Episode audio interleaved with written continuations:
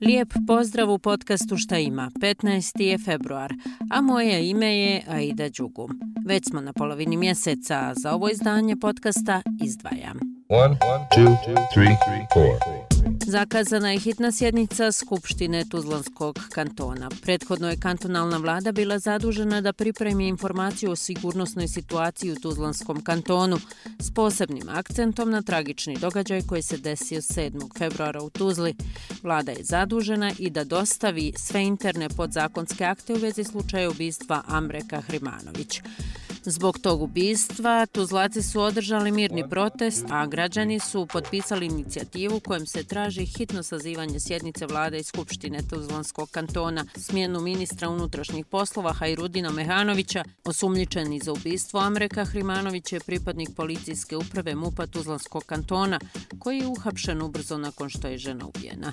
Traži se i pokretanje istrage i krivično kažnjavanje za propustne evidentiranje odlaganja službenog pištolja, koji korišten u ubistvu. Traži se hitno uspostavljanje redovnih ljekarskih pregleda za sve policajce. Danas je Međunarodni dan djece oboljele od raka. Simbolom u obliku zlatne vrpce ukazuje se koliko je dječiji život dragocijen te podsjeća na male heroje koji se svakodnevno bore. Najčešća maligna oboljenja kod djece su leukemija, karcinomi mozga i limfomi.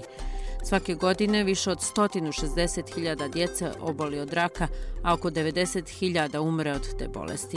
Fikret Kubat iz Udruženja Srce za djecu koja boluju od raka u Federaciji BiH kaže Ove godine na međunarodnom nivou kod nas u Bosni i Hercegovini pod sloganom jednakost za svu djecu. Zašto ovaj slogan jeste da ukažemo na neke nejednakosti koji naravno uvijek ima, ali kako ih smanjiti, kako smanjiti te razlike u standardima u liječenju između razvijenih i nerazvijenih zemalja.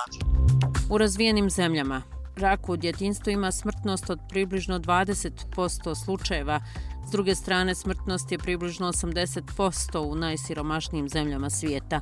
O malignim oboljenjima danas će biti održan okrugli sto u Sarajevu, a koji su glavni problemi, Kubac za podcast Šta ima kaže ne možemo prevenirati, ne možemo znati šta su uzroci, ali možemo recimo ubrzati proces diagnostike. Dalje, u toku procesa liječenja pričat ćemo na ovom okruglom stolu o praćenju kasnih posljedica. Kad završe bolničko liječenje, 99% djece ima te kasne posljedice i mi želimo da sistemski to riješi. Treća tema jeste inicijativa o bolovanju roditelja ili staratelja djece koja su na liječenju. To je inicijativa koja je i ranije podnošena, međutim nije nikada ovaj, usvojena, nije nikada realizovana. U sjedištu Sjeveroatlantskog saveza u Briselu bit će održan sastanak ministara odbrane članica NATO-a. Na ministarskom sastanku u Briselu raspravljaće se o vojnoj pomoći Ukrajini u borbi protiv ruske agresije, kao i priprema za predstojeći samit koji će biti održan u julu u Vašingtonu, gdje će se obilježiti 75. godišnjica najveće vojne organizacije. Generalni sekretar NATO-a Jens Stoltenberg. That is another record number. To je još jedan rekordan broj. Do 2024. godine saveznici NATO-a u Evropi će zajedno investirati 380 milijardi američkih dolara u odbranu. Po prvi put to čini 2% njihovog ukupnog bruto domaćeg proizvoda. Dakle, ostvarujemo stvaran napredak. Prošle godine smo svjedočili nezapamčenom porastu izdvajanja za odbranu od 11% među evropskim saveznicima i Kanadom.